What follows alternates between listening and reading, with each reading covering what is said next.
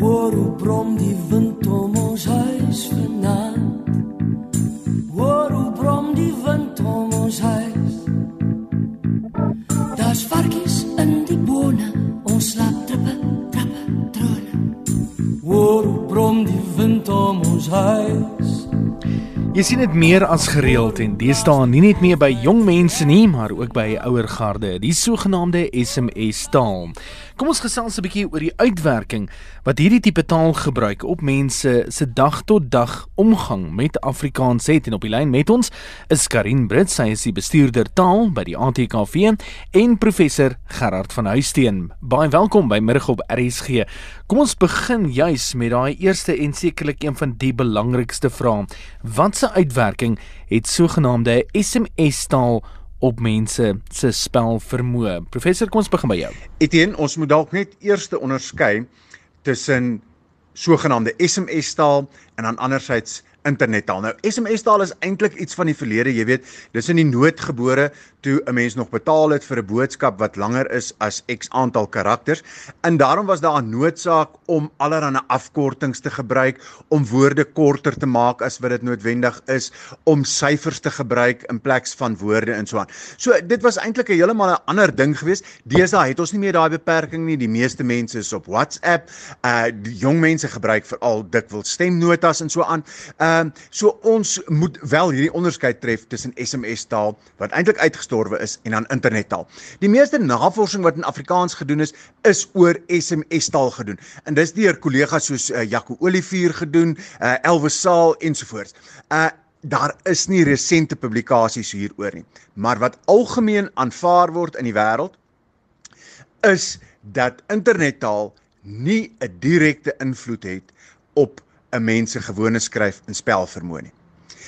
Mense is beskik oor die vermoë om te kan onderskei wanneer is ek in 'n situasie waar ek dan nou sogenaamde internettaal kan gebruik en waar is ek in 'n situasie waar ek formele taal moet gebruik. En wat onderwysers, wat ouers en so aan moet doen is as hulle hulle kinders leer, moet hulle hulle kinders net leer om hierdie onderskeide te kan doen. Net soos wat jy Sondag dalk met ander klere kerk toe gaan as wat jy uh, Saterdag gaan tennis speel het. Ehm uh, net so moet jy vir 'n kind leer wanneer is dit gepas om 'n sekere soort taal te gebruik en wanneer is dit gepas om 'n ander soort taal te gebruik. Karin van jou kant af? Ja, jy moet ek net nou 'n bietjie onderskei want as jy mens nou kyk dit 'n paar jaar terug het ons nou beslis SMS taal gehad want jy het net soveel karakters gehad dat jy 'n SMS kon gebruik. Maar met die nuwe tegnologie met met uh, WhatsApp en en soortgelyke produkte het jy nie beperking nie. En nou uh, ook met die die voorspellingstegnologie as jy daai predictive text, gebruik, kan jy al al vooruit sê weet kan jy jouself nog vooruit sê watter woord kan jy gebruik en dan is dit al reg gespel. So ek sou sê dat ehm um, dis eintlik ouer mense wat regtig SMS taal gebruik wat dan nog SMS'e gebruik.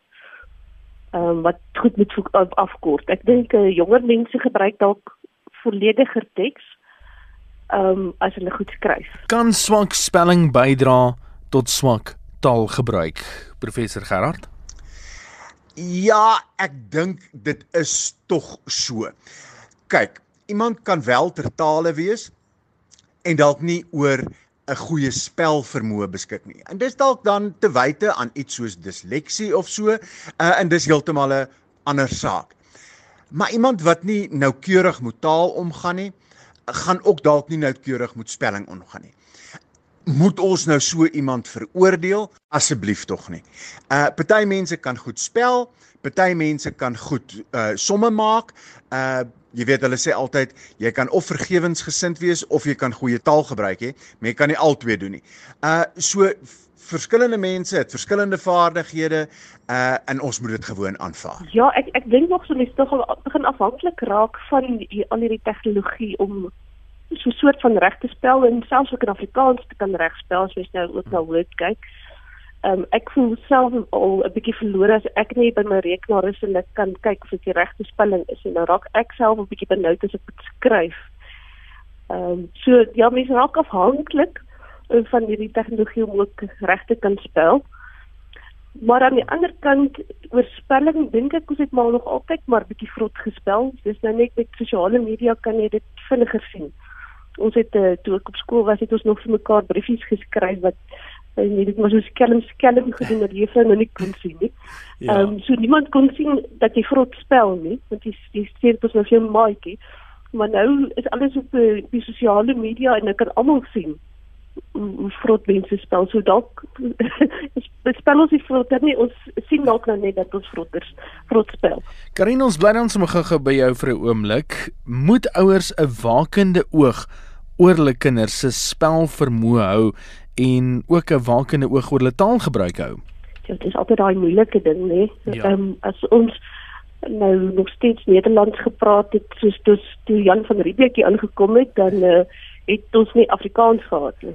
So dit is uh, dit is nogal moeilik oor taalsuiwerheid. Ek ek dink taalsuiwerheid sê ietsie oor oor jouself. Is ek is ek trots op die taal wat ek gebruik? Maak nie saak wat die tyd ek gebruik nie. Want kyk, die Afrikaans het natuurlik verskillende variëteite. Ja. Ehm um, is ek is ek trots daarop of gee ek regtig om nie so ek sal eintlik so enige taal maar ingooi. Baie baie moeilike onderwerp, maar ek dink as jy as jy wil hê jou kind moet goed vaar, moet daar ook by die kind 'n bewustheid wees van goeie taalgebruik. Ehm um, as ek byvoorbeeld by die wat nou by die skool is of as ek in formele taal ehm um, situasies is, dan gebruik ek 'n bietjie formele taal. Maar as ek nou die hele tyd suiwer, suiwer Afrikaans gaan gebruik as ek saam saam met my vriende kuier, gaan hulle bietjie bekommerd raak oor my. En ek gaan self ook bietjie bekommerd raak oor my kind wat die hele tyd net suiwer Afrikaans saam met sy vriende gebruik. Hmm. So daar is natuurlik dat jy taal gebruik vir 'n bepaalde situasie het. As ons net die hele tyd BBC taal gebruik, gaan ons nie regtig met mekaar kommunikeer nie. Dit gaan verskriklik mooi klink, maar ons Ja. gaan nie kommunikeer nie. Etienne, ja, ek dink dit is verskriklik belangrik dat ouers by kinders 'n taal liefde en 'n taal vermoë moet kweek, net so belangrik soos wat dit is om by kinders 'n vermoë en 'n liefde vir somme en vir wiskunde en vir wetenskap en so aan te kweek.